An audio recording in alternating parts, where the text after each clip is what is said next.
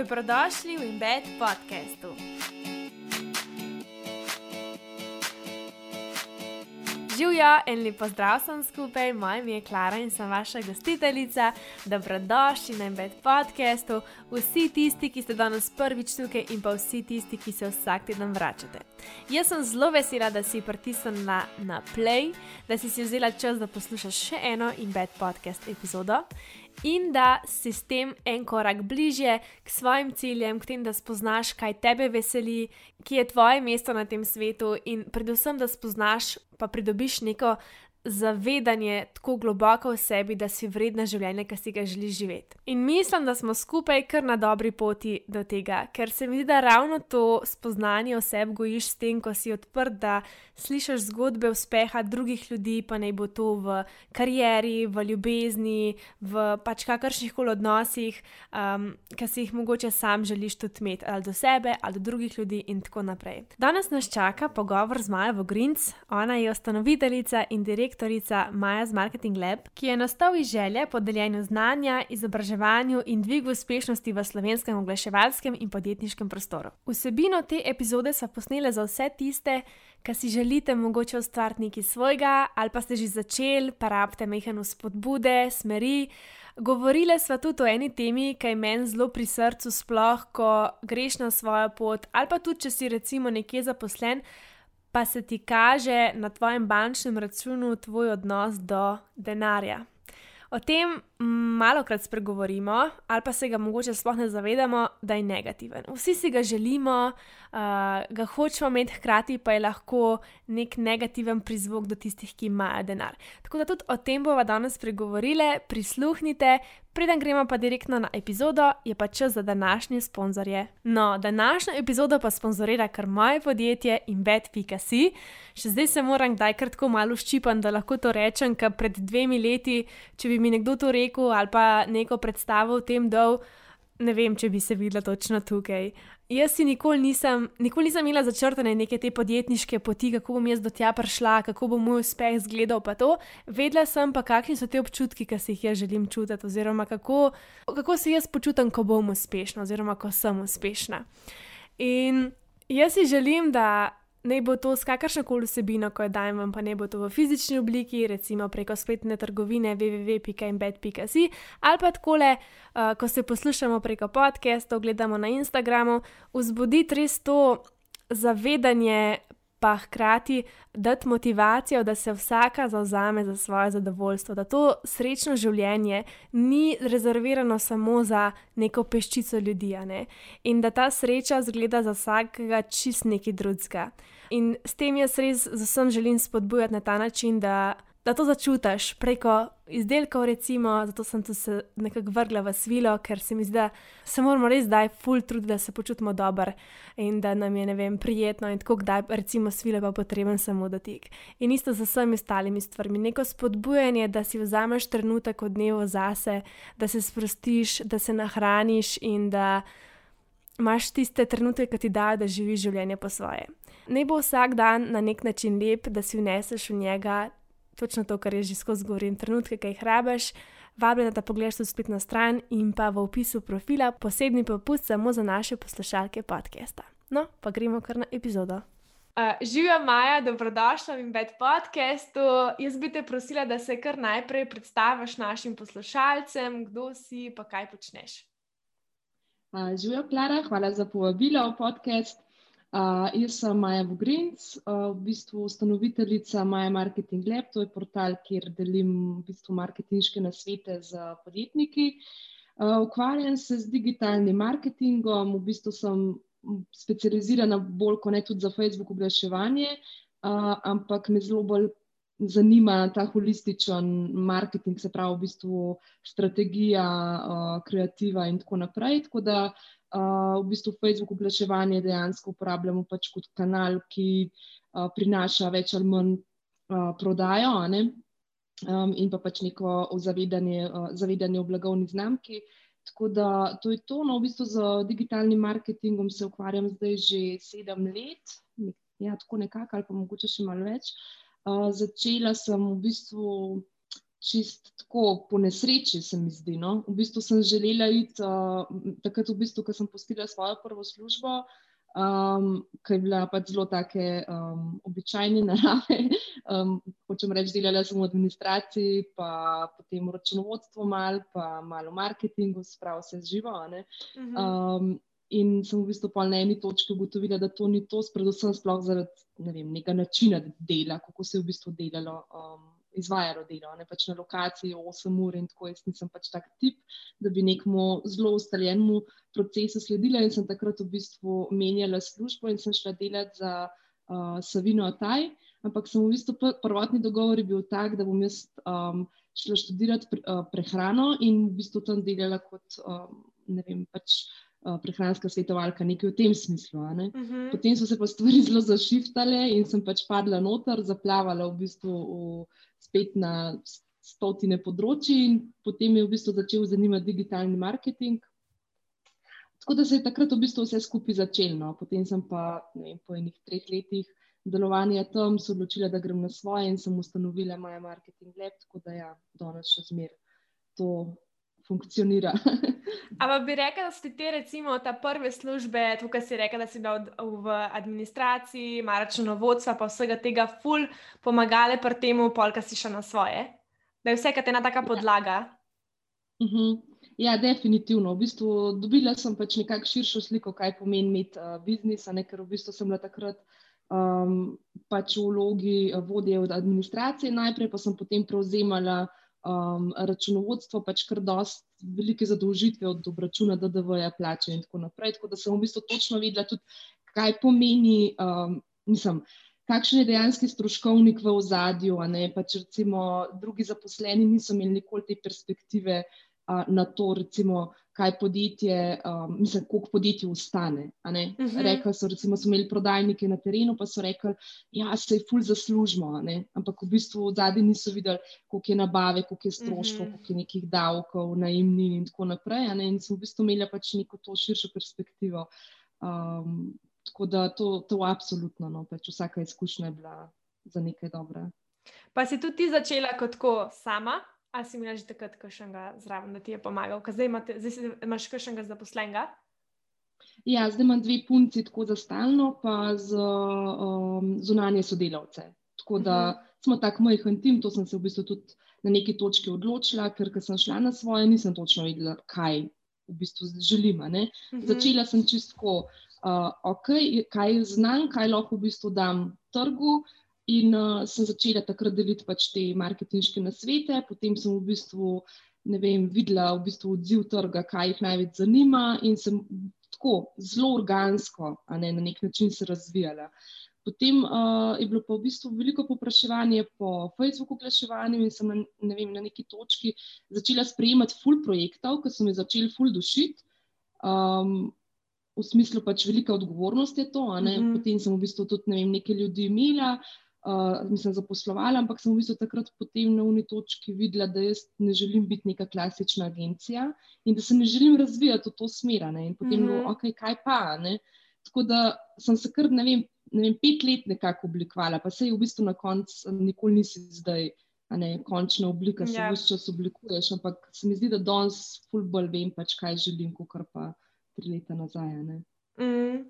Jaz sem danes rekla, da bi rada z Majo posnela protko en podcast za tiste, ki začenjate, ki ste mogoče že začeli, pa ste tako kot jaz, kakšno leto, pač res v nekih začetkih svojega posla, ali pa tisti, ki imate idejo, pa bi radi začeli, pa bi radi mogoče kakšno spodbudo, ali pa nasploh na smernice, pa malo boljšo predstavo, kako to vse skupaj sploh zgleda.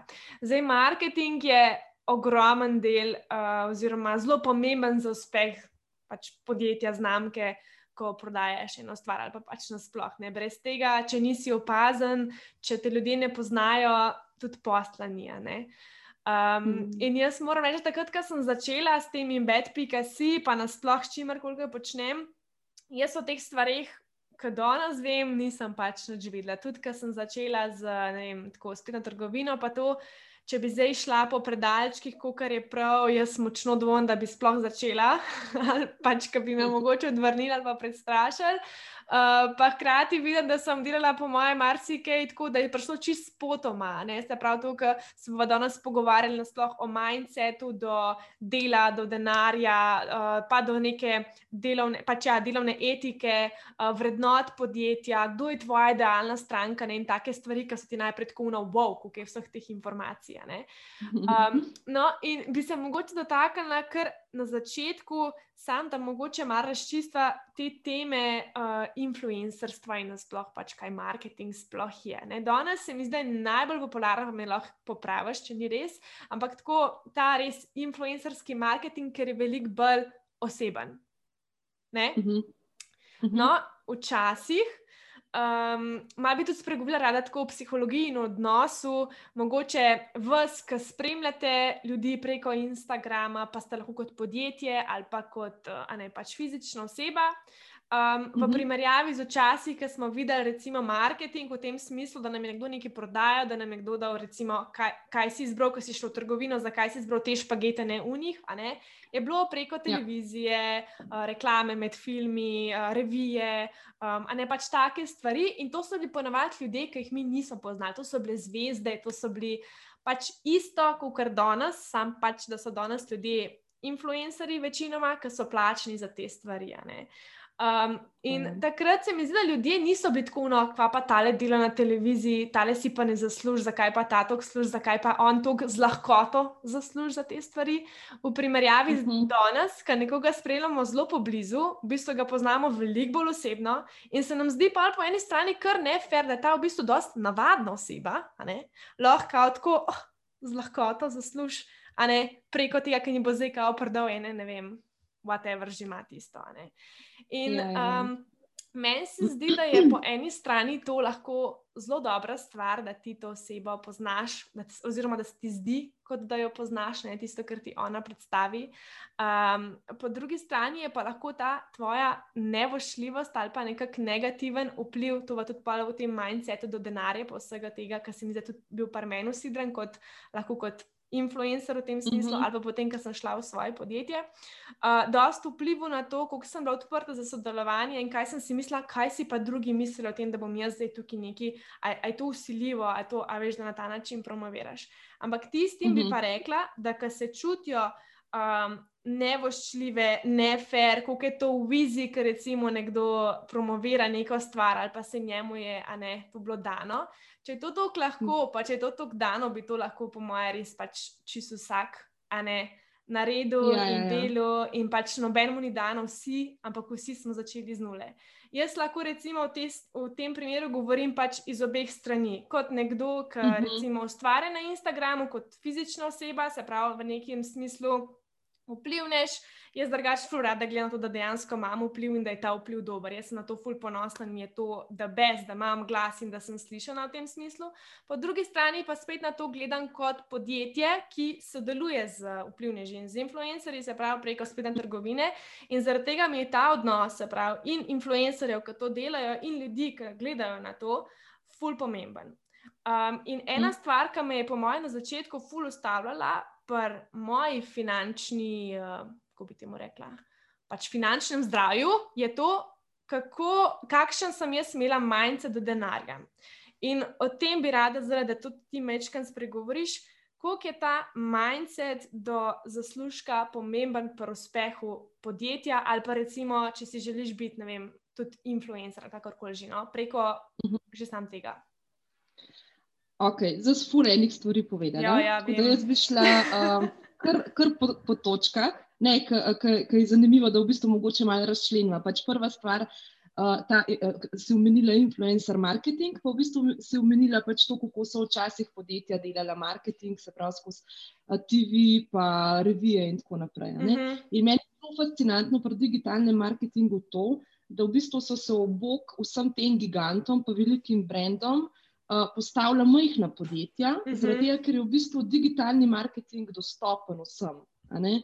Uh, in v bistvu ni zdaj samo, da lahko Coca-Cola, HM, uh, ne vem, L'Oreal in tako naprej delajo v bistvu pač marketing online, ampak ga lahko tudi, ne vem, recimo manjša podjetja, med drugim tudi pač uh, Inveta, ne, pa recimo, ne vem, velika, velika, ne vem, Gymshark, recimo konkurenca Nike, postal pa je pač dobesedno organsko naredil uh -huh. um, premik na, na uh, Instagramu, pa imamo Daniel Wellingtona, pa tako naprej, v glavnem.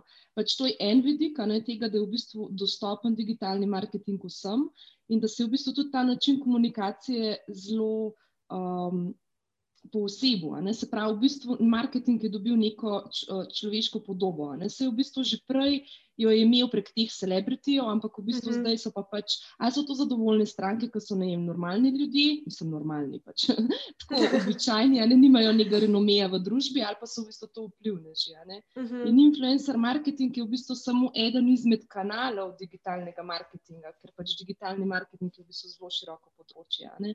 To je pač ena stvar. Uh, in influencer marketing je um, pač sploh zelo razširjen, zaradi tega, ker v bistvu nas ti ljudje spuščajo v svoje življenje na nek način.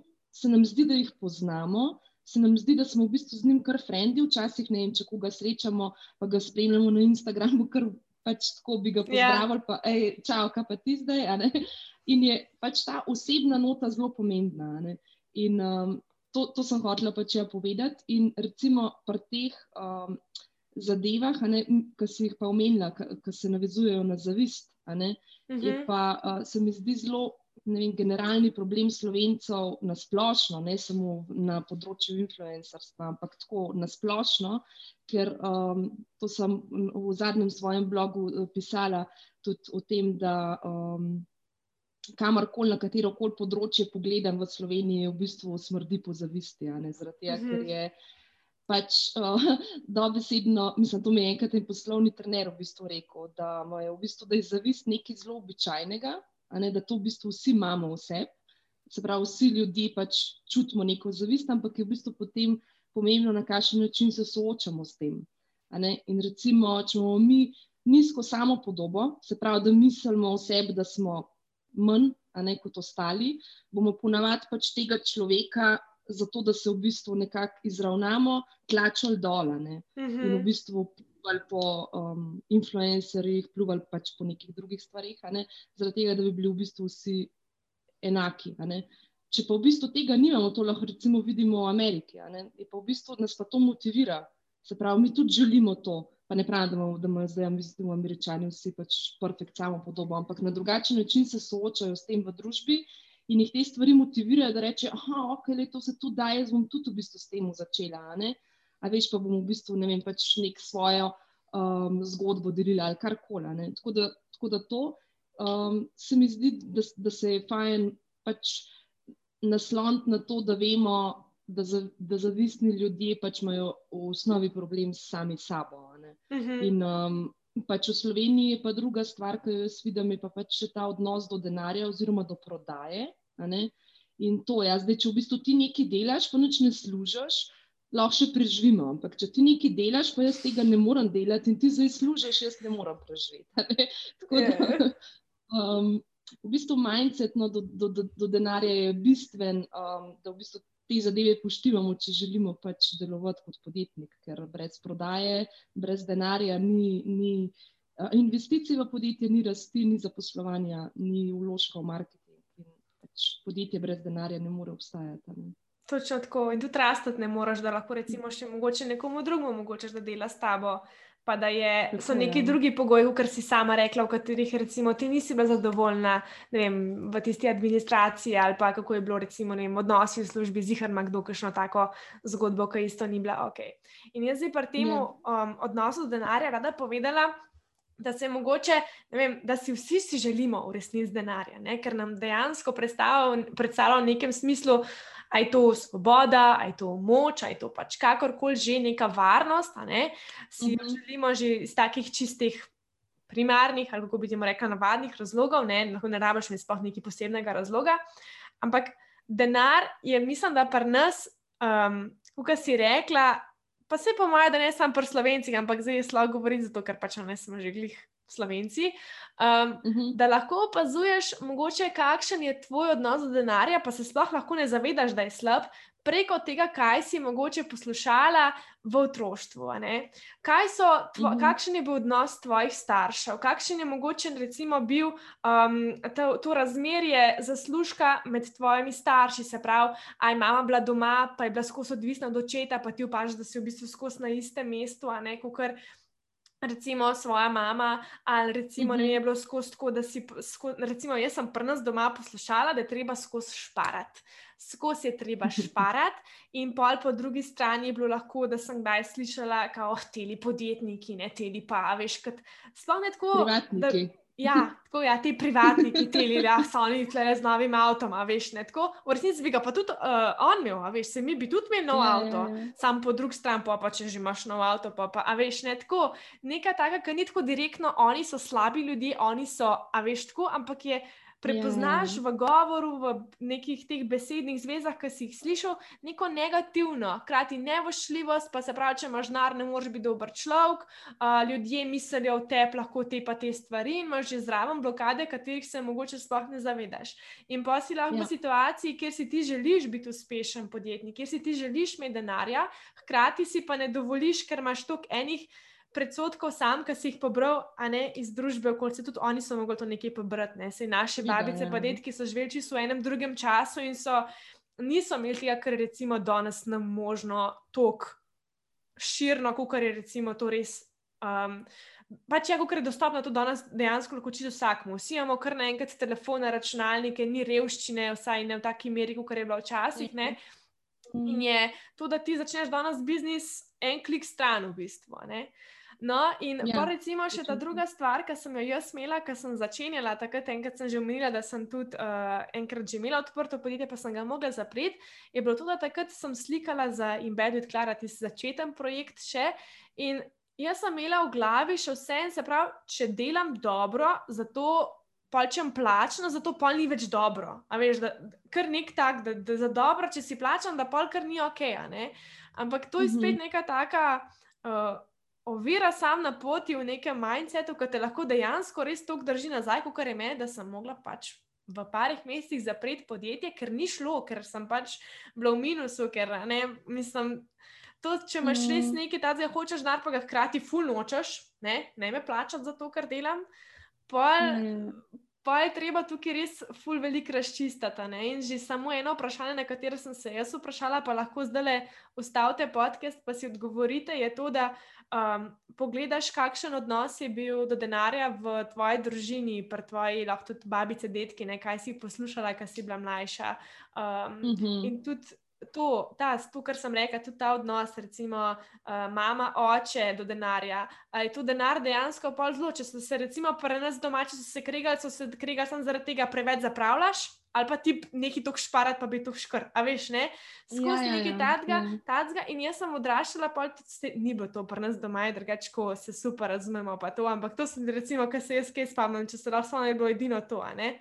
In uh mhm. -huh. če sta se kdaj kregala moja dva starša, da sem jo slišala, pa me je pa tudi dejansko stisnila, pa da bo to tako da je bil oči, recimo, un, ki je full hotel šparati, mami pa skozi zapravljala, kao, ne, pač to je tako bilo v njegovih. Ja, ponavadi je tako, ja. ja, ja, sej to je po mojem neka taka klasika slovenska, vedno tako neki, kao ti sam ja. zapravljaš, pa pa ne, a ne tako. No, in pa je tudi ta veš ena taka stvar, se pravi, da je v tep noter denar je vzrok. Uh, Pač nekih uh, kregov, nesporazumov, in tako naprej. In če ti to nosiš s uh -huh. sabo, pa lahko čist pač nezavedno, dejansko to lahko vpliva tudi na, na to, kako si ti Svita. pač uspešen kot podjetnik. No, tudi družbeno rekel, je. Ne? Ja, družbeno ja, ja, je ja. veliko, ja. um, ker je tudi, recimo, mislim, vedno moraš razumeti zgodovinski kontekst pač družbe. Ne, in Slovenija, pač socializem in tako naprej, ima neke svoje vrednote, v katerih smo vsi mi vzgajani. Uh mhm. -huh. In um, to, da je v bistvu poskrbljeno za tebe, pač, in da ti ne štrliš ven iz množice, je v bistvu nekaj, kar je bilo zelo običajnega. In ti zdaj, če v bistvu imaš tukaj neke ambicije in si podjetniško zagrižen in v bistvu želiš ustvarjati denar, si pač čudaka. Ne? Mislim, da danes mogoče malo drugače, kot pač včasih. Pa so pa v bistvu še te družinske dinamike, pa pač to, ta ponavadi uh, nam je dedovana. Ali to, ali to sovraštvo do denarja, ne, se pravi, mm -hmm. da je v bistvu čisto popačena slika, se pravi, bogati ljudje so slabi, zlobni. Mm -hmm. v bistvu, Tudi v medijih vse čas spremljamo to, vse ne govorijo ja. o bogataših, um, nič lepega ne govorijo o njih. Mm -hmm. pač vsi so slabi. Pa, tudi uh, jaz sem v bistvu imela tak odnos do denarja, bolj kot v bistvu ta energija pomankanja, ki je pa druga stvar. Se pravi, denarja ni. -hmm. Denar um, je v bistvu dostopen samo pač, ne vem, neki manjšini. Uh -huh. In uh, to, to te pa v bistvu oblikuje. Pač eno, je, eno je to, da, da misliš, da denarja ni, da v bistvu, uh, ne glede na to, koliko imaš, koliko imaš stanje na računu, še vedno uh, živiš energijo pomankanja. Uh -huh. Še vedno šparaš, kupičaš, ne upaš si razkirati, investirati in tako. Drugo je pa to, da v bistvu že tako blokiraš to, da denar sploh služiš, ker ti tako misliš, če boš ti imel denar, boš slab človek in tudi drugi te bodo tako dojemali. In to se velikokrat vidi v tem, um, da je treba zamenjati krok ljudi.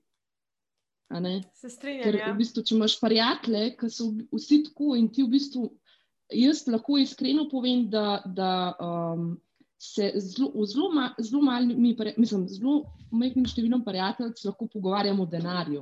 Ker, um, ker če imaš ti zdaj v bistvu nek cilj, da ne vem, zaslužiš tok in tok, denarja in ga investiraš in ga imaš še več, kaj pa ti bo, zakaj pa, zakaj pa, ne? a veš tako. Moš v bistvu imeti tako sopravičilo, zakaj si zdaj želiš ja, ta denar. Ja, ja, ja, točno tako. A veš, da je meni tako dejansko nikoli, mislim, fulkrat sem slišala to, da si ti nek skupek teh najbližjih, ne vem, recimo petih ljudi v tvojem mhm. življenju, recimo petih prijateljev. Ampak jaz sem uh mhm. -huh. tako, pač ne, raz, ne razumem, kaj misliš, sam si mi zdaj še vse tako mal brez. Ne brez pomena, ampak to, kar ni mi bilo tako ono dozeti, da bi jaz dejansko šla namerno iskati ljudi, ki bi mi bili na nek način kot mentori, pa tudi če so bili tako le online, veš, tudi če jih ne poznaš, mm -hmm. pa da imaš nekoga, ki ga spremljaš, pa da vidiš, kako se razvija. In jaz sem pa dejansko dojela v enem drugem smislu, ne denarnem. Uh mhm. -huh. Sem si skozi to predstavljala, da moraš se če hočeš biti bogat, moraš imeti zraven bogati ljudi in tako, kje zdaj rastejo ti bogati ljudje, da jih bom jaz, a veš, kje bom zdaj jaz to dobila, da bom jaz njih smela, tudi enkrat denar padel z neba. Ne? Ampak jaz sem to recimo spoznala, to pomembnost. Um, Nega mentorja, pa tudi če je samo na spletu, um, ki ti je blizu, da se najdeš tudi ti, mogoče v njemu v nekih aspektih, ne? ker pa ti ja. samo sebi skozi dokazuješ, da jaz tudi lahko. Se pravi, uh, jaz mhm. bom povedala na primeru Velnesa. Se pravi, jaz sem imela par let nazaj uh, ful težave s prehransko motnjo, uh, bila sem ene deset kil, vsaj. Teže, kot sem danes, in delala sem vse, mhm. kar se je dal po knjigi, da bi jaz hujšala, da bi vem, se znebila tega, in bolj, ker sem bila obsesivna, manj mi je ratvala. Ne? No, hm. in pol, pa, ko sem jaz ja. počasi našla ljudi, ki so recimo imeli tudi prehransko motnjo, pa so recimo napredovali v nek stadij, ki je bil boljši, kot pa mena. Ne? In pa vidiš ene par stvari, kaj lahko ti v tizga odneseš. Pa vidiš recimo sčasoma sprememba tudi presep, pa greš pa tudi ti na neko drugo stopnjo. Spremljaš enega drugega mentorja, ki je spet eno stopničko boljši kot ti. Recimo, pa to mentor, to je lahko ne vem, uh -huh. ne kot mentor, ki se dejansko s tem ukvarja, ampak samo eni osebi, ki je to uspel in deli svojo izkušnjo. Um, in se mi zdi pomemben, da nam je zdaj ti zdaj, ki si v recimo čist začetkih, gledaš nekoga, ki je multimilionar, ampak da greš mogoče, ok, tega imaš tam le v misli, pa imaš pa hkrati nekoga ki ga spremljaš, ki je v recimo, prvih svojih petih letih posla, pa mu gre dobro, pa je v nekem podobnem um, ne vem, poslu, področju, kot si ti.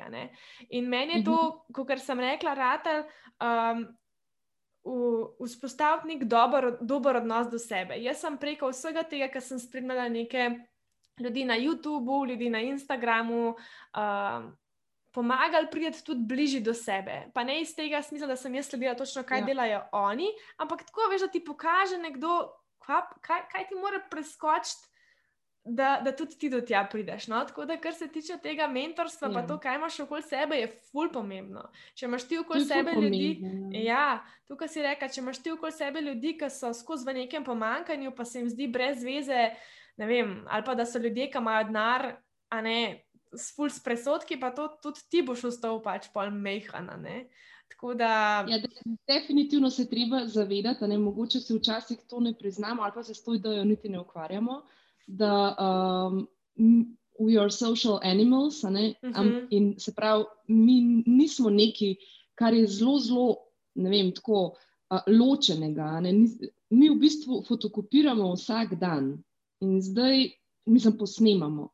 Ne, kot otroci, sploh in v bistvu pač tudi dedovanje vseh teh programov, um, mentalnih map in tako naprej, v bistvu potem se celo življenje ukvarjamo z reorganizacijo tega. Mm -hmm. Ampak um, v bistvu pač vse to, kar dobivamo noter, se na nek način oblikuje in se v bistvu zapišejo nove poti. Tako da to, kar mi pač konzumiramo.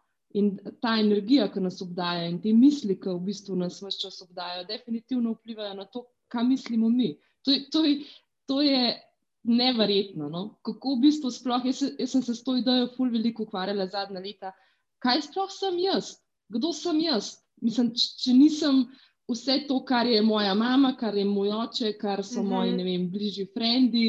Če imam to prepričanje, in pa sem v bistvu začela biti pozorna, kako recimo v enem odnosu imam, ne vem, mogoče neko drugačno mnenje, ki je v bistvu posledica, recimo, mnenja neke moje kolegice, ne? in potem vam v tem odnosu, recimo, neko drugo mnenje, ki je posledica, ne vem, recimo, um, mnenja mojega fanta. Ne vem, recimo. Uh -huh.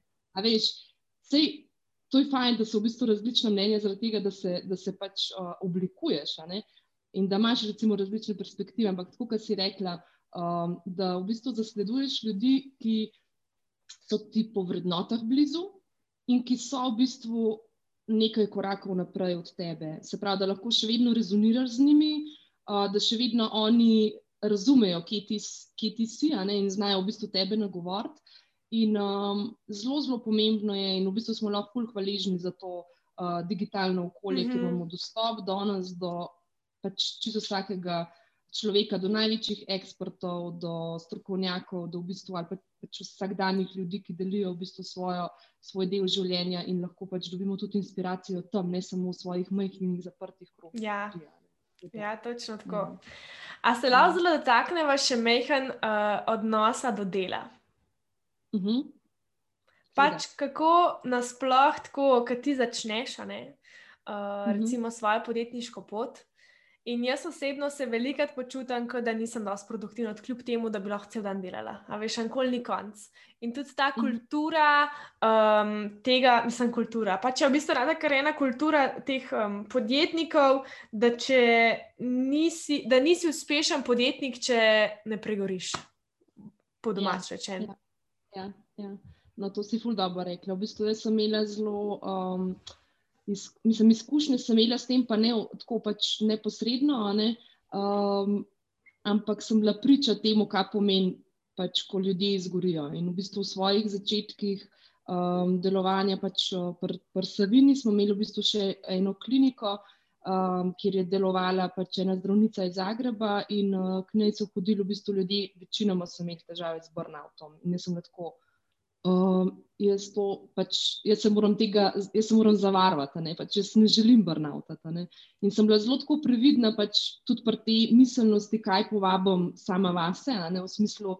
Imela sem dobesedno odporta Hustle World 24-7 in tako mm -hmm. naprej. Um, ampak ja, seveda se ti dogajajo stvari na poti, ker ti v bistvu tudi sam entuzijazem in vse ti, ta ustvarjalnost pač potegne v en vrtinc tega, da pač želiš delati, ne znaš se odklopiti uh, za vikend, da si v bistvu, uh, ne vem, recimo spet preklopljena na računalnik. Ne? V bistvu je to neka faza zorenja, da v bistvu uh, tudi nekako ločeš ta dva svetova, ko ti ustvarjaš in ko v bistvu ne ustvarjaš. Ampak ta odnos do dela, no, se mi zdi zelo pomemben, da v bistvu veš, um, da, da recimo tudi um, takrat, ko ne ustvarjaš, v resnici daješ prostor za to, da pač ideje pridejo. In uh, kreativnost se v bistvu zgodi takrat, ko pač ponavadi noč ne delaš. Ne? Seveda je potem treba dati stvari tudi v prakso, pa pač jih dejansko tudi narediti.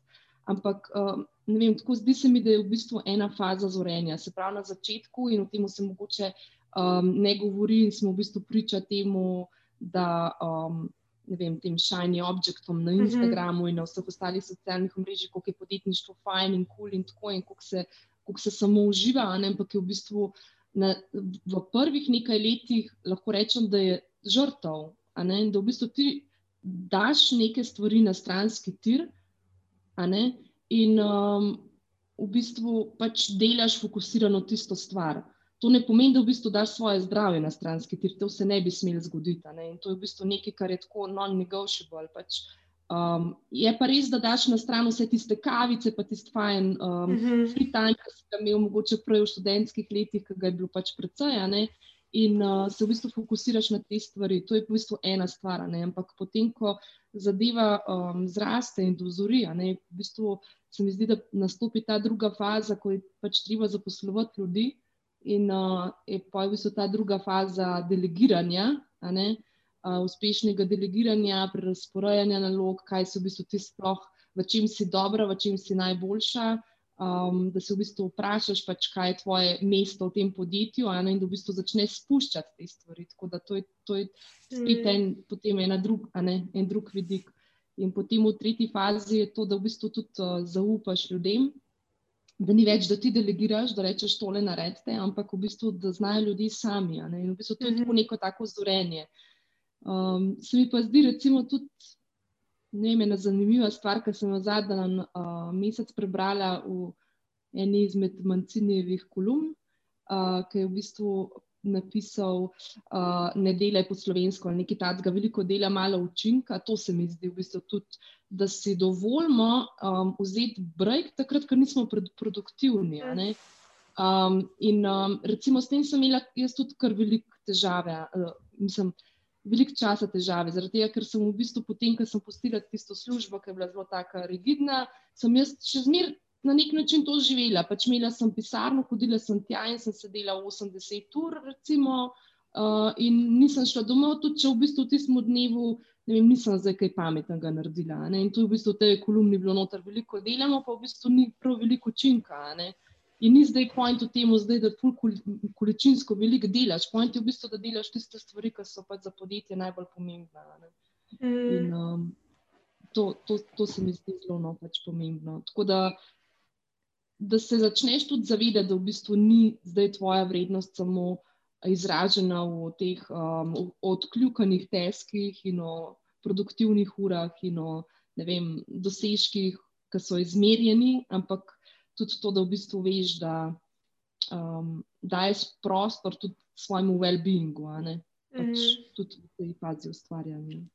Se strinjam, meni se je tudi tako nasplošno, uh, če si daš prostor tudi uh, za tiste dni, ki si zaposlen, pa vidiš, da je tvoj fokus, da pač sploh nisi sfokusiran, da imaš glavo čist nekje druge, da ne moreš um, ne se osredotočiti na tiste teske, ki jih imaš. Da si vzameš, le, če je treba, pa eno uro, pol ure, kakorkoli že, ali pa pet minut, da greš ne malo na sprehod, ali da potelovadiš, ali da greš meditirati, oziroma da se ustaviš v vsem tistem kaosu, ki ga lahko imaš, oziroma prideš do njega in da veš, da boš, če boš to naredil, da, potem, da boš pač bolj produktiven, oziroma da pač tako ne moreš naprej. Vsaj jaz vem, ja. da če si kljub vsemu vzamem vsak dan vsaj nekaj minut. Uh, tega, kar jaz rabim, da bom potem jaz bolj energična, da, bolj, um, da se bom počutila bolj jasno, to pač v, ključnega pomena, da tisto, kar delaš, da se počutiš zaradi tega bolj ti, bolj uh, v povezavi s samim sabo, s tistim, v tiste stvari, v katere tudi sam verjameš. Uh, da si vzameš mm. čas za to, kljub temu, da, sti, da se ti zdi, da ga mogoče nimaš. Meni se to fulkrat zdi, da bi pač za so moje prioritete itak, le to, pa to, pa to moram dokončati, pač tole, pa tole, ker to prinese rezultate. Pa pa na mhm. koncu dneva ugotoviš, da si čisi žet in da se to pač ponavlja, da je en dan ok, ampak če to tako vsak dan, ne moreš pa ti kar. Uh, Premisliti, v katero smer greš, pa kaj je tvoj cilj. Uh, jaz mislim, da tako, da imamo vsi, ki delamo, pač karkoli delaš, da je pač, okay, prva stvar je varnost, da imaš na koncu meseca za račune plačati, pa da imaš hrano na mizi, pa tako naprej, in da si tudi lahko posledično kupiš kakšne stvari, ki so pač uh, po tvoji želji, da si nahraniš tisto, pač, kar, kar sam rabiš, uh, uh -huh. v mhm. tisto, kar hočeš samo uložiti. Ampak po drugi strani je pa tudi to, ker si hočeš ustvariti življenje tako, kot ga pač imaš v svoji domišljiji, ki si ga želiš, če ne bi bilo vseh teh, ne vem, pravil, pa obveznosti in tako naprej. In pa pogledam jaz, recimo, zakaj sem se vrgla v to. Nekaj je moje poslanstvo, ki ga čutim, ker se čutim poklicana za stvari, ki jih hočem deliti, nekaj je pa to, da si bi lahko ustvarila tako življenje, ki si ga želim živeti. In jaz si ga predstavljam s prijatelji, druženje, uh, ob dobri mhm. hrani, kakšni državni večeri, uh, kakšno potovanje, kakšen vikend na off, tako da greš ne vem v naravo. Veš, take stvari. Pa pogledaš, kakšni so tvoji dnevi. Večina našega life je ta navaden delovni dan, uh, In ja. večina teh dni je čisto nasprotju s tem, kar ti pač hočeš, a ne živeti. In pa se vprašaš, ali je res vreden tisti en dan ali pa dva dni, ki si res na koncu zamaš v celem letu, da si recimo kao na en družabni večer ali pa nekaj tacga. Uh, Kot pa da, a veš, v primerjavi s tem pač to hočem povedati, kako dejansko zgleda naš life, pa kako si ga želimo. In tudi. Ja, ja, in ja, zato je to ja. pomembno, da, da vsak ta dan naš unesemo neke rituale, aj to zdaj, pač, ki se ne moramo videti, ali neki zoom klic, ali pač kakorkoli, da se ali pa greš v naravo mm -hmm. na sprehod. Uh, ali pa telovadiš, ali kar koli rabiš, da se počutiš, da si bolj v povezavi s tem življenjem, ki si, si ga želiš živeti. No? Tako, da je neko ravnovesje. Ja. Da v bistvu da že danes neko različico tega pač, uh, živiš. Ne? In tudi recimo. Uh, da veš, mislim, meni se zdi, da največja napaka, ki jo ljudje delajo, je v bistvu to, da v tistem, v tistem trenutku, ko so fully obremenjeni, pozabijo na sebe. In to mhm. pomeni, recimo, to, da takrat v bistvu še fully slabo ješ, ne spiš, um, ne vem, recimo, ne telovadiš. Uh, nimaš stikov, recimo, s prijatelji, in tako naprej. In v bistvu to zelo negativno vpliva na tvojo ustvarjalnost, na tvojo produktivnost, na vse, a ne konc koncev. In v bistvu, če si ti v slabi kondiciji, psihofizični kondiciji, ne moreš ustvarjati kot podjetnik. Tako da v bistvu tvoja primarna naloga je to, da poskrbiš zase. Mhm. Ne? Pa ne samo kot podjetnik ti si pač podjetnik z razlogom, Svida. da bi lahko pač ja. živel srečno življenje. In srečno življenje vključuje pač pri človeku tudi ljudi okoli, a ne se pravi v tvojem življenju. In če ti nisi Tako. ok fizično, recimo jaz vidim, da sem najbolj ustvarjalna in najbolj uh, se počutim uspešno takrat, ko sem uh, se počutim dobro v svojem telesu, ki mi je, ki sem ja. lahkotna, ki ne vem, imam en tak dober feeling, da sem poskrbela zase. In to se odraža potem v produktivnosti, kar se tiče mojega dela, se odraža v mojem razmerju.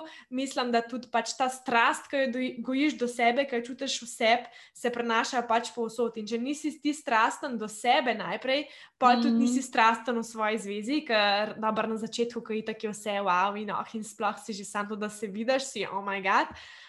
Pol pa s časoma, ki si kar nekaj časa s to osebo, ali pa ki si kar nekaj časa že v enem podjetju, ali pa v prijateljstvu, kakorkoli že, pa ta strast, če nimaš ti do svojega življenja, ti tudi tista druga oseba ne bo tega dala, noč zunanjega ti ne bo tega zbudil, ker ti hočeš, a veš, občutiti. Ja, in to, ja, kar si rekla, ja. ne, da si skozi enih takih, zdaj boš dal vse od sebe, pa boš pa v bistvu pogorel, pa se boš poberil, pa boš spet dal vse od sebe. Pa tako ne. Ja, ja. Konsistenca je tista, ki v bistvu prenese rezultate. Mogoče bo malo počasneje do tistega prvega cilja, ampak boš pa pač res lahko, a ne veliko lažje naprej tudi do vseh ostalih. No, se mi zdi, da je to res tudi ful. Uh, fulej tak ja, ja, ja, do, ja. za uspeh. Hotela sem te vprašati, kaj so pa recimo tvoji ti rituali, ki ti vem, te napolnijo, ali pa čemu se ti zatečeš, um, kar rabaš oddih, ali pa tako, kaj so tvoji ti vsakdanji, vsakdanji stvari. No?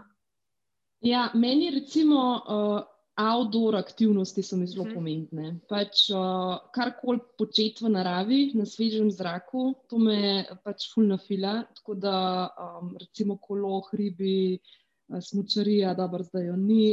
Yeah. tako, pač take stvari, no, to, to, to mi res da toliko energije. Pol, recimo, če si vzamem vikend na off in ga preživim v naravi, lahko v bistvu cel teden tako sem. Pač uno, on top. Čez druga energija. In, Ja, in uh, pač fizična aktivnost je meni, sem tak tip človeka. Eni ljudje, recimo, ne vem, ali tega ne rabijo, ali niti ne vejo, pač kaj zamujajo. Ampak, tako, uh, recimo, meni tako, jaz sem v bistvu imela, ne vem, ali je bil moj sen, ki sem ga kjet pobrala, ampak tako, uh, if you're stuck in your head, move your ass. Pač, dobesedno. Pač, ker sem se zagozila neki, pa kam mi ni šlo, je bilo no, ok, Maja, čas je, da greš vem, ven, vzameš psa, ali greš teč, ali greš na kolo, karkoli in se. In v bistvu spodbudiš pač to cirkulacijo, in potem pač se tudi v glavi stvari uredijo. Mm -hmm. To je na mojem urniku, ne vem, pač vsaj parkrat na teden, drugače pa jaz sem tako najbolj zaspan človek, ever. Jaz sem, že, ja, jaz sem v bistvu celo srednjo in osnovno šolo zaspala na prve ure in tako naprej. Tako da jaz pač brez spanja, mogoče tudi zato nikoli nisem imela nekih posledic na zdravju, no, da se potrkam, zato ker pač jaz spim 9 ur na noč, -hmm. pa se lahko ne vem, kaj zgodi. Tako da to se mi zdi pač ena ta. Um, minimalni higijenski standard, ki ga moramo zdržati, pa pač uh, prehrana je tudi, ne vem, ful rada kuham, rada jem zdravo hrano. Ni mi tako, um, da se moramo v bistvu upirati, ne vem, čemu koli ne zdravemu, ampak mi je v bistvu to nekaj zelo naravnega. No? Tako da se mi zdi, da. Um, Pa so pa še stvari, ki bi jih rada več počela, pa, pa jih ne, ampak tako, pač si ne delam prevelikega stresa no, zaradi tega. A veš, kaj sem te hotela še vprašati? Tako zadnje čase sem brala eno knjigo, ki ful govori o tem, da uh, smo to naše okolje, ki ga vidimo. Je samo en del naše realnosti, da večina naše realnosti je to, kar mi pač v bistvu čutimo, vse ta notranji svet. In uh. -huh. da tudi iz tega notranjega sveta si mi pač ustvarjamo pol stvari, ki jih vidimo, ki tudi drugi lahko vidijo, ne? lahko so te materialne stvari, kot uspeh, ne vem, nov avto ali kakorkoli uh. -huh. že. Ampak vse izhaja pač iz nekih tvojih želja. In mene zanima, kakšen je ta tvoj sanski svet, če bi si lahko predstavljal najlepše življenje zase, kakšno je to življenje, kako živiš svoj dan. Uhum. Dan, Aha, prav dan. Nisem tako, ja, pač, ja, nasploh, kako zgleda tvoj life, kaj je pač uno, ja, ja, ja. to je to, kar si jaz želim, uno, kar ti najbolj, kar zagoriš, ko pomisliš na to.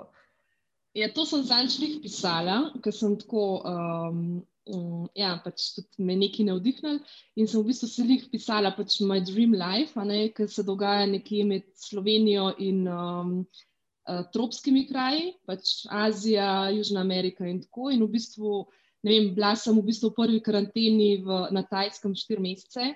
In um, takrat sem v bistvu dojela, da pač je verzij življenja ful več, kot jih mi v Sloveniji poznamo, in si lahko pač živiš čist drugačen format, kot mogoče je pač nam viden. Uh -huh. Tako da, ja, no, pač, uh, moje življenje poteka nekje med Slovenijo in svetom.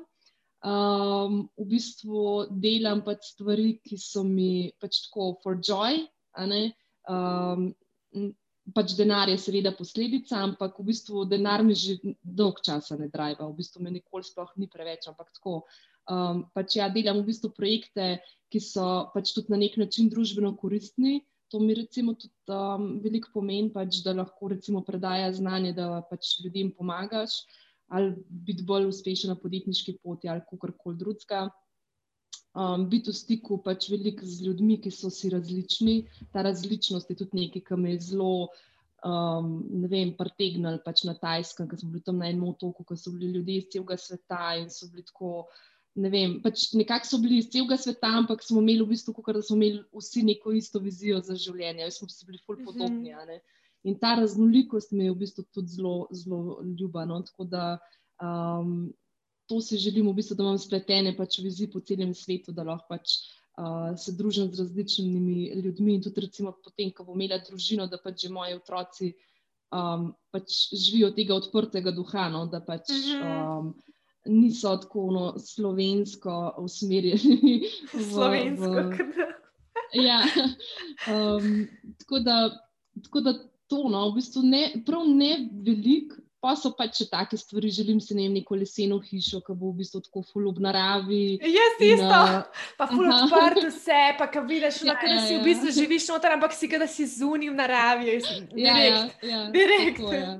Pa imela bi ja. tri pse, ampak pa nisem še točen uh, pogruntala, kam bi jih dala, ki bi jaz živela, pač nekje na drugem koncu sveta. Da, ja, to še nisem. Staršem, le ti sajt, ne jih malo vozijo. Ja, ja, ja. Vse se ja. da zrihtati. Ej, ful dobro. Imela bi domači wellness, pa tako. No. Uh, jaz tudi, jaz tudi. Ja. Ful tkaj njih takih stvari pa željela. Ko boš, sedaj ko spamo na ta pogovor, čez par let, mhm. ko boš to dosegla, boš tako, evo, lej kako se je od tega ja, pač spremenil. Ja, ja. Imam že zdaj domačo savno, tako da ne no, no, evo, the ja. best, blagor tep. Uh, ja. Meni se je tudi pač preko teh sanj, če lahko rečemo temu sanje, ne meni se zdi, da so to te sanje, ti veliko povejo, te želje, pa to so tiste, ki te v bistvu dejansko pošljajo v mhm. neko smer, če si le dovoliš so pa hkrati tudi vrednote. Ti si v bistvu uh -huh. s tem mhm. tudi povedala, kakšne so tvoje vrednote in malo bi tudi o tem spregovorila, kako te vrednote vplivajo oziroma so pomembne za podjetje. Uh -huh. Ja, uh, jaz recimo meni prve tri vrednote so uh, samostojnost, svoboda, pa rast. To se uh -huh. mi mhm. zdi. Potem so tudi poštenost in tako naprej. Uh, ampak um, recimo to sem tudi rabila kar nekaj časa, da sem ugotovila. Pač te prioritete, predvsem. Vse sem vedela, da mi zelo velik pač ta svobodomiselen duh, pa tako, pa tudi uh, samostojnost. Ampak ta samostojnost mi je zelo ključna, zaradi tega, ker v bistvu zelo težko delujem v okoljih, kjer mi drugi nalagajo stvari, ki uh -huh. jih jaz delam. In uh, težko imam šefa. Pa ne zato, mislim, mogoče tudi zato, ne vem, ali, sem, ali imam velik ego, ampak tako, ne vem, ne morem. Ne morem v bistvu delati po navodilih nekoga drugega. In v bistvu sem pač se odločila, ok, jaz, jaz sem pač, ne vem, samostojna pri svojem delu, tudi take stranke se izbiram, ker imam lahko zelo proste roke, ker nimam recimo več nekih pet oddelkov, ki mi zdaj potrjujejo eno aktivnost, ki se jo želim, želimo izvesti z mojo ekipo. Ampak v bistvu lahko zelo samostojno sprejemamo odločitve. Uh, ta svoboda, se pravi svoboda, da nisi zavezan lokaciji, da nisi zavezan nekemu času, um, tako no, da v bistvu imaš možnost uh, izbire projektov, to ti sicer prinaša denar, to je definitivno. Uh, takrat, ko imaš v bistvu finančno varnost, lahko izbiraš, pač, katere mm -hmm. projekte boš delal. Prej jih v bistvu izbiraš iz. Um, neke eksistence ali pa pač ne vem, željo porasti in tako naprej. Ne? In ni s tem nič narobe, to je v bistvu seveda fa faza zorenja. Fulje narobe to, da se ti v bistvu to fazo na nek način na papirju, na rekovajih že uh, presegu, pa še vedno to delaš. Uh -huh. Ker v mhm. bistvu, kad opazujemo ene ljudi, pa rečemo, pa zakaj mu je tega treba? A veš? Uh -huh. Ale, zakaj recimo pač ne prevrednot teh svojih prepričanj ali kako koli. No? Um, in pa pač rast ful hitro mi rata boring, v smislu, da ne maram nekih teh repetitivnih stvari. Uh mhm. -huh. Mora se dogajati nekaj novega, jaz moram odkrivati nekaj novega, uh, potem um, implementirati ali v svoje delo ali kar koli in potem pač to predajati drugim, to poučevanje mi je tudi zelo ljubo. Da, um, ja, to, no, pa pač predvsem v tem, pač res visoka poslovna etika. Tako, vem, zdi se mi, da recimo to, če tega nimaš, je vse ostalo tako, mislim da se diskonekta. Ne? Se mi zdi, da, da, recimo, če, da ne moreš biti povezan sam s sabo, ne vem, ali pa je to tudi moje omejujoče prepričanje, da ne moreš biti povezan sam s sabo, ker to, da si povezan sam s sabo, pomeni, da si povezan tudi z drugimi. To, je, to, to dvoje se ne izključuje. Ne? Mm. In če ti v bistvu delaš slabo za druge in za okolje in za vem, vse, pač nisi v osnovi povezan s sabo. Se strinjam. Da, se strinjam, da si fulavar povedala. Mogla kar nekam napisati. Ne. ne, res fulepo. Pa meni se to zdi, a veš, tudi recimo to, kar si zdaj govorila za svobodo, pa to vse skupaj. Ti si dejansko pol ustvarila tudi tak biznis, da lahko greš le, kupaš danes karto, pa greš nekam drugam delati, recimo na Tajsko ali pa nekam, ne, to, kar si ja, rekla. Ja. In to je ful dobro, da si si tako ustvarila. Uh, ena ja. od stvari, ki je mene, recimo, vodila skozi, eh, ali pa pač tako me še vedno vodi, pa še zdaj ne vem točno, kam me pele, pa to, ampak ki vedno zaupam, je to, da jaz se ful čutim poklicana za, uh, kako bi ti mu rekla, da skozi karkoli počnem, pa ne bo to skozi produkti, ali ne bo to recimo s podcastom, ali bo to pač čimarkoli, kaj dam, da kot ljudem eno tako uh, spodbudo, motivacijo, da je to življenje, ki si ga želijo živeti, vredno, da je vredno vlagati vase, da ni to uh, rezervirano, to srečno življenje samo za določene ljudi, ampak pač. Mm da si, je, da si lahko vsak pričara neke občutke, te um, pač česar koli si sam želi v svojem življenju, v čisto vsakem dnevu. Pa je lahko, recimo, ne vem, jaz to vidim ja. svilo kot nekaj tacga, ki se samo dotakneš, je pa dobiš neke občutke, za katere se moraš včasih full truditi. Pa je lahko to poslušanje podcasta, ki te spravi, zelo grem pa danes na sprehod, zato ker se full veselim ene epizode, veš, pa se spraviš mm -hmm. ne, iz, iz ne vem, kauča, pa greš neki nared zase. Neko motivacijo, veš za to. Ampak jaz recimo od začetka, pa tudi če danes ne vem, kam vse bo to popeljal, full imam idej, full imam želja, um, isto kot ti, a ne si rekla, mm -hmm. se hitro naveličam kakšne stvari, a ne, in rabim skozi skozi neko, um, da nekam grem, da nekam rastem, ne morem biti zdaj, da bom pa samo recimo svelene vzgajnike pač prodajala. Ne, ne, to, to pa meni ne gre. Ja, ja. Skozi mhm. neki noga. Tako, no? In to se mi zdi, da me žene naprej, hkrati je pa ta rdeča nit. Še sem pa meni tako močna, da si dovolim, da zaupam v to, da me bo peljal tja, pač kamor moram iti. In, to si tudi dobro rekla, ja, da v bistvu zaupaš, da te bo peljal. Ja, da nisi ja. sama za to. Točno ja, tako. Pač se, ni... se mi zdi, da je včasih mogoče um, uh, to, prela da prelagamo odgovornost samo na sebe. Uh -huh. sem, v zadnjem letu sem brala eno ful zanimivo knjigo, ki jo ful priporočam, Surrender Experiment od Michaela Singra. A bom dala um, link uh, v opis epizode, mi boš uh. -huh. poslala informacije. Follower. Ja, to je bilo zelo tako razbremenitev, pač v smislu, da veliko govorimo o ciljih, pa ne pravim, da so slabi ali karkoli. Ti moraš vedeti, se mi zdi, no, v osnovi vedeti, kdo si, kaj si, kaj zasleduješ in tako naprej.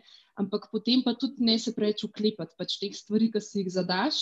Moš malo spustiti, da se te bo življenje pripeljalo. Pač v bistvu prej si rekla, da sem si ustvarila tako življenje, ampak. Uh, jaz nisem eno leto nazaj vedela, da je to možno. Eno leto uh mhm. -huh. nazaj. Ja, jaz sem šla na Tajsko, sem v bistvu kupila narobno karto. Na mes 14 dni sem blokirala en, me, en mesec na robe, še, ne, se pravi, ne bi šla konec februarja nazaj, ampak konec marca. Potem se je COVID zgodil in zato sem jaz v bistvu tam ostala, zataknjena. Nisem zataknjena, tako sem se odločila. Ampak jaz sem si blokirala 14-dnevno karto, ker sem jaz mislila, da jaz ne morem iti. To ni svoboda. Jaz sem, jaz sem bila ujeta v lastnem podjetju, pač podjetništvo ni pač po defaultu svoboda, lahko je zelo zaporano.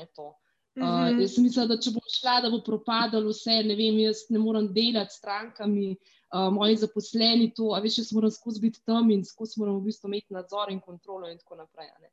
In recimo, to se je pač zgodilo in to, to je life, da se je zgodil. Ne. Nisem bila jaz tista, ki je pokazal, da dejansko in... lahko greš in da še vsem funkcionirajo. Pač, ja, da da ja. marsikaj. Tako, ja, tako da to si dobro rekla, da se, v bistvu, ne, da se bo zgodilo. Da, tako, ja, ampak, veš, recimo, jaz nikoli nisem tako. Um, vsakič, ko sem si postavila tako cilje, da bi zdaj rekla, hočem delati to, da bom dobila da bom si lahko kupila tale avto. Pač meni mm -hmm. nikoli se nisem mogla res uno povedati s cilji, s takimi cilji, da bi me res motivirali. Mene motivirajo ful uh, občutki, pa ne, ja, občutki, ki mislim, da jih bom recimo imela. Se tudi, recimo, ki si želiš ti avto, si ne želiš zaradi tega, da boš dejansko, ne vem, ja, ok, lahko je pač lep avto ali pa ne vem, hud mm. avto, ampak zaradi tega, ker ti pričakuješ, ne vem, da se boš počutil udobno, uh, uspešno, da si si lahko to prvoščil, da boš mogoče, ne vem, mm -hmm. uh, te bojo tvoji prijatelji občudovali, ne, pač ti lahko to dosežeš tudi s kakšnimi drugimi stvarmi, ne samo z avtom. Tako pač neke mm. take stvari, fulci ne dam tega cilja, ali pa recimo, da bi, ne vem, tudi ko sem začela s podcastom, jaz drugač. Ful sem taki impulzivni narave in te impulzi me ponavadi, če jim zaupam, pripeljajo direkt tja in jaz se, zdaj se jim vedno bolj prepuščam. Sam tudi to zaupanje uh, pač traja. Ja, no, in ja, jaz sem to ja. iz danes na jutro začela. Rada sem jih poslušala, malo sem imela idejo, nikoli nisem nič resnega vzela, in pa sem se kar en dan spomnila, zdaj pa bom jaz začela snimati podcaste. Moja ta mala je imela mikrofon, kar rada pa in sem jaz poklicala ljudi, ki jih poznam, in smo se zmenili, splanirali in začeli snimati. Veš, in pa pač. Bravo. Pa začne, ne? ampak je pa treba tudi to, ne? nekaj je ideja, nekaj je pa polk to idejo, da Idej. ti spraviš. Nekaj pa pa ideja in action. Ja, točno tako. Pač milijon, mislim, milijon. Vsi imajo idejo, pač vsi imamo neko idejo. Razlika je potem, da dejansko zgrabiš, pa probaš, pa tudi če ti pač ne spodletile. Tako pač, je. Glih iz ja. tega se mi zdi, da glih iz teh failov, ki sem jih jaz drugače imela zdaj v zadnjem letu, več kot po moje v zadnjih desetih letih, pač ko res Aha. sem se ful velik naučila, ampak hkrati sem pa bolj zele vase in v svoje sposobnosti. Kot podjetnica, kljub temu, da se mi še zdaj, kdaj zdaj nimam pojma, kaj počnem, veliko bolj samozavestna, pa tako, le, če sem tistom, pa še tole zdaj naredila in ja, ja. premagala to in iščeš rešitve, ne da se smiliš samo sebi, pa jo, kaj, zakaj se meni to dogaja. No? Tako da glih iz ja, teh failov. Ja, in, no, in to, kar sem prej rekla, ne mindset, tudi tukaj pride ne, do izraza. Uh, da imaš neko vizijo, da veš, kam greš, in da se ne pustiš, uh, da te mogoče te stvari na poti, ki se prvič z njimi srečuješ, da te sesujejo ali pa da takoj upaš. Mm, ja, ja, seveda. Ja. Pač, tako, no, mislim, odvisen, odvisno je tako, pač, da imaš zaupanje v to, da, da, vem, da se vse dogaja. In to je ful težko reči um, za nazaj. Mislim, ful lahko je reči to za nazaj. Ja. Najtežje je takrat v bistvu to integrirati v izkušnjo, ki jo imaš v sedanjem trenutku to, to je definitivno. In nisi loser, ali pa loser, če ti v bistvu tega v sedanjem trenutku ne uspe narediti. Ne? Da se nam pol ujel še v to spiralo, ki se mm -hmm. še začneš, zakaj se ne moreš tako počutiti, zakaj jaz ne morem tega, kar sta Maja pa Klara rekla. Ampak to je ponavadi lahko vidiš za nazaj stvari. In če imaš v bistvu to pot, ki si jo do zdaj že prehodila, ki se um, so se stvari poklopile, potem imaš tudi to mišico tega zaupanja, ja. zgrajeno, da veš, vse bo vse v redu. Ne? ne vem, vse bo že. Ja, se strinjam. Ja.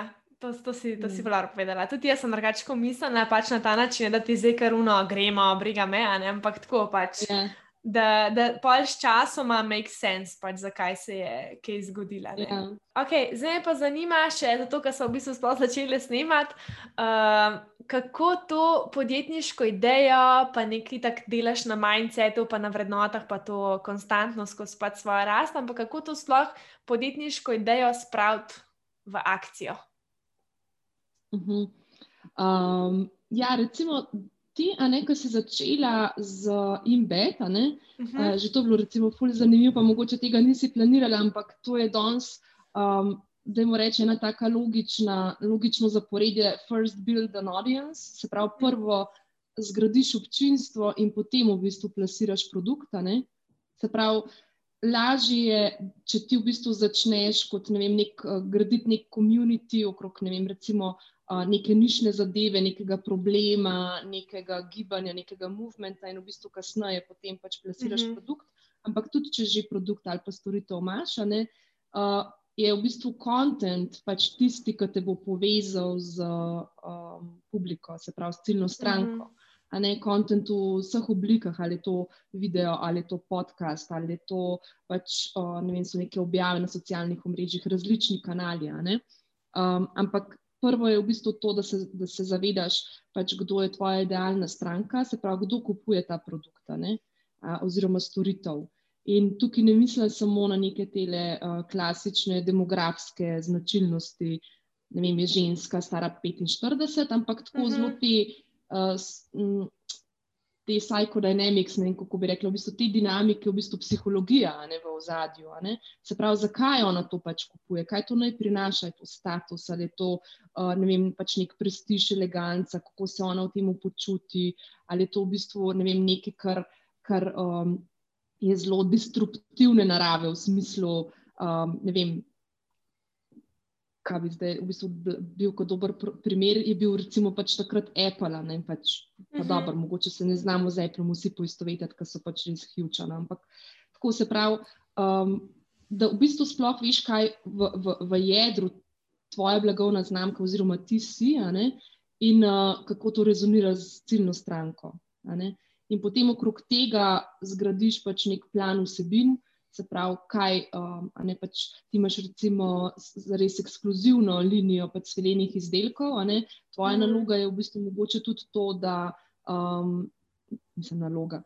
Tvoja vloga je v bistvu tudi to, da, da pač ljudi izobraziš, kaj pomeni pač imeti sviljene izdelke, kaj v bistvu kupujejo drugi, a ne kaj kupujejo pri tebi. Ampak istočasno je pa ta vse skozi prisotni duh prestiža treba um, ukomponirati, se pravi, vse te aktivnosti. Mm. Um, tako, da, tako da to, no, pač začetki. Uh, in potem tudi, da imaš, ne vem, recimo to povratno informacijo od strank, se mi zdi zelo pomembno. Se pravi, da v bistvu uh, si, a ne sploh za male podjetnike, je to ful pomembno, da smo tako customer-centric, se pravi, da v bistvu tudi uh, stranke na nek način oblikujejo to, kako se naše podjetje razvija. Ne? Jaz, ko uh -huh. sem mhm. začela z My Marketing Lab, sem v bistvu dajala ven v bistvu ful nekega konta, ne vsebine. Uh, ampak sem videla, da najbolj jih zanima Facebook oglaševanje. In jaz sem se začela tudi skozi bolj poglabljati v to temo, in potem pač logičen prvi produkt ne, je bil spletni tečaj Facebook oglaševanja. Uh -huh. Se pravi, to nisem jaz imela v planu. To se je zgodilo pač potem, ko se je vse skupaj dogajalo. Ja, ja, ja. Da, ja. Um, A veš, da jaz pa tako, ko sem začela s tem in bed. Ful nisem razmišljala o tem, komu bom jaz to prodala. Jaz sem mislila, da okay, se pač neko bazo ljudi imam, ampak jaz močno dvomim, da je uh, nek velik procent, to mora biti zelo mehen procent ljudi, ki pride dejansko iz tega mojega prejšnjega profila Embed with Clara, da je tudi kupec na embed.ca, se pravi, kot uh, sledi izdelkov, pa to zato, ker jaz se zavedam, da mogoče nekdo, ki je ne vem, v svojih 25, pa nekje tam do 30, je bolj nekdo, ki je že nekako spostavljen, ki ima redno službo, ki se hkrati vem, zaveda, ne se pravi, to zaveščanje pač pride zraven. Da bo kupil nek tak produkt. Meni to, recimo, na začetku ni bilo jasno. Jaz sem se tukaj si rekla, sproti naučila, kdo so moje stranke, kdo je tisti, ki pride vsak mesec nazaj, kdo je tisti, ki ga zanima več. Um, in, in, in sem spoznala, kdo je profil moje stranke, medtem ko sem začela jaz to, se ne vem, če bi spet rad ali če bi na novo šla ne, neko tako stvar delati, ampak jaz sem full, sam kaj. Ki lahko ful na robe pri nekaterih stvarih, kaj jaz hočem, pa ne boš imel pol stranka. Ne? Ampak tako jaz sem vodila iz tega, kako si jaz želim te občutke prenesti v, v vsak dan, nekoga tudi tako fizično. A veš, pač nek mm. na ta mm. način. Spet sicer z neko rdečo nitjo, ko je že skozi spela, ne se pravi, neko mentalno zdravje, uh, dobro počutje in tako naprej. Sam pač skozi neko zgodbo, ki je bila tudi za me čist nova, pač produkti ja, svila. Ja, ja. Tudi jaz sem se imela ogromno za naučiti. In glih to poslušanje svojih strank, pa neko, meni tudi ta, da je ful intimna izkušnja, ko ti to kupaš, da nisi sam še ena mhm. številka zraven, na tem jaz ful delam. Um, Se mi zdi, da tudi neke druge stranke pritegne. Jaz se ful zavedam, da je nakup na moji spletni strani nakup, ki je zelo ozaveščen, da veš, kaj uh mhm. -huh. kupuješ in da veš, kaj daš v svoje življenje, kaj ti bo to prinesel. Uh, in pač mislim, da tako do, neki, do 25 evrov sploh ni panike. Če bi nek, veš, če nekaj dazga, se mi zdi, da ja, ja, lahko... to so ti prav nastavljeni uh, price pointi, ki so uno, um, instinktivni nakup. Ja, ja to sem full opazil. Ja, in je pač, niti ga mogoče ne rabiš, ne uporabljaš konc koncev. Ja, ja, ja. Um, tako da je to samo smetišče za našo. Ja. ja, ja, ja. Mm. Se, jaz sem tudi tako, fulkrat vidim, pa tudi recimo, kakšne te stvari na spletu, aj to, ne vem, priseci, pa sem kupila po moje že štiri različne, ne vem, pa so bili recimo, vem, 19 dolarjev ali pa nekaj tacga, pa niti mm. enega ne uporabljam, ker so vsi za en drek, ali jih pa jaz pač ne znam. A veš, kaj mislim, ampak sem ja, tako, no, ja, eh. Ja v zadnjih teh parih letih sploh ne pomislim, da bi zdaj se kaj sekirala zaradi tega, medtem pa če bi dala za nekaj, ne vem, 150 evrov, je pa že mm. druga zgodba, ne, pa daš pač večjo pozornost. Ja, ja, tako da se mi zdaj to, kar si zdaj povedal. Ja, kar povej, kar povej. Uh, zdi se mi v bistvu, da, da um, pri takih brendih, ki so pač više, višjega cenovnega razreda, v bistvu rab uh, stranka dlje časa, da, uh -huh. da v mhm. bistvu spreme to nakupno odločitev. Se pravi, moraš več delati na elementih tega pull marketinga, v smislu kontenta, um, pač brandinga in tako naprej. Um, Medtem ko v bistvu pač. Recimo pri nizkocenovnih blagovnih znamkah je v bistvu ta push marketing veliko bolj učinkovit, v smislu, ne vem, hardcore advertising, optimizirane spletne strani in je v bistvu pač zelo instinktiven nakup.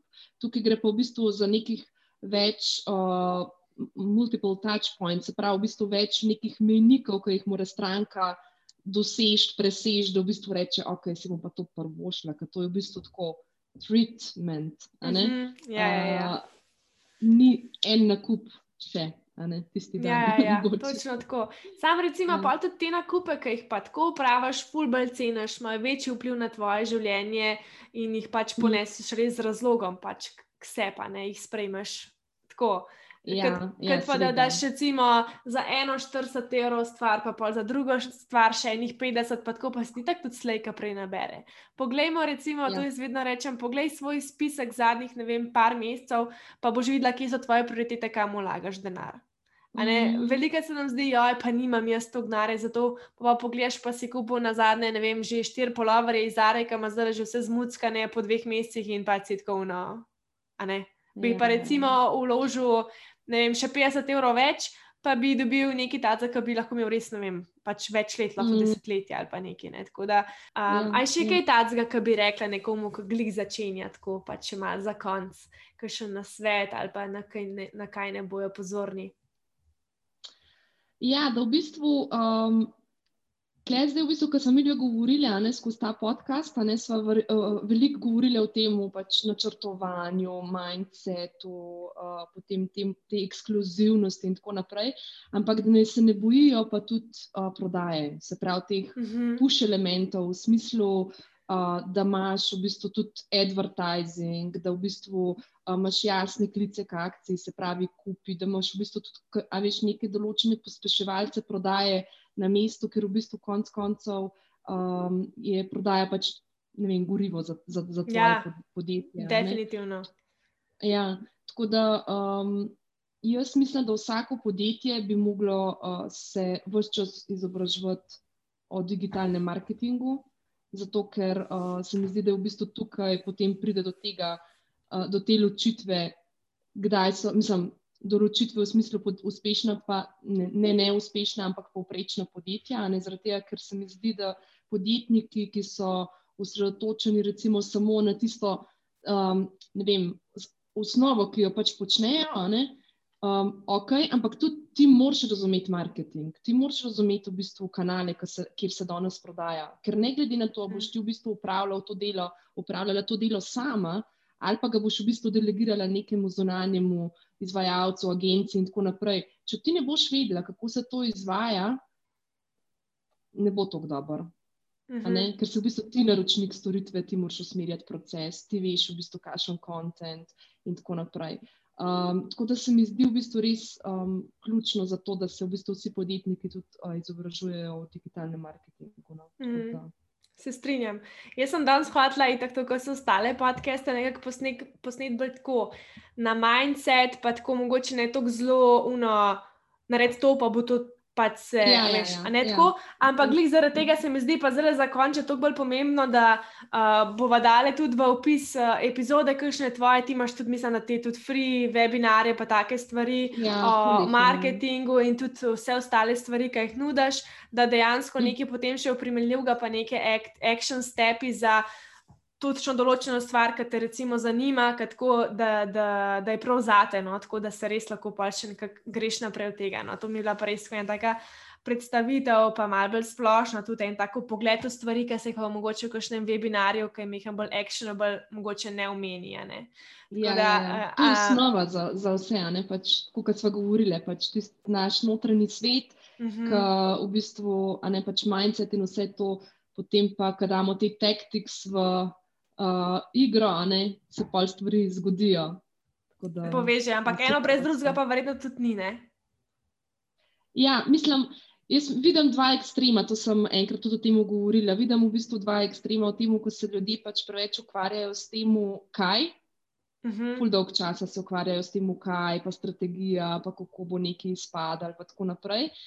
Um, na nek način perfekcionizem. Ne? Um, reče Elizabeth Gilbert, perfekcionizem, da je strah v visokih petkah. Ne?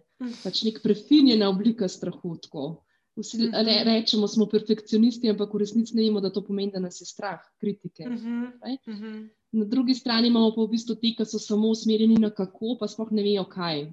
ne, kaj zasledujejo, kaj so, uh, kaj je njihov core brand, kdo je stranka, kakšen odnos je treba graditi. Ne, so, jih samo taktike zanimajo. Tako da mhm. treba imeti v bistvu to pravo razmerje uh, v igri. No, mm. Ful sta pa drugače povedala, mislim, da so drugače zajele.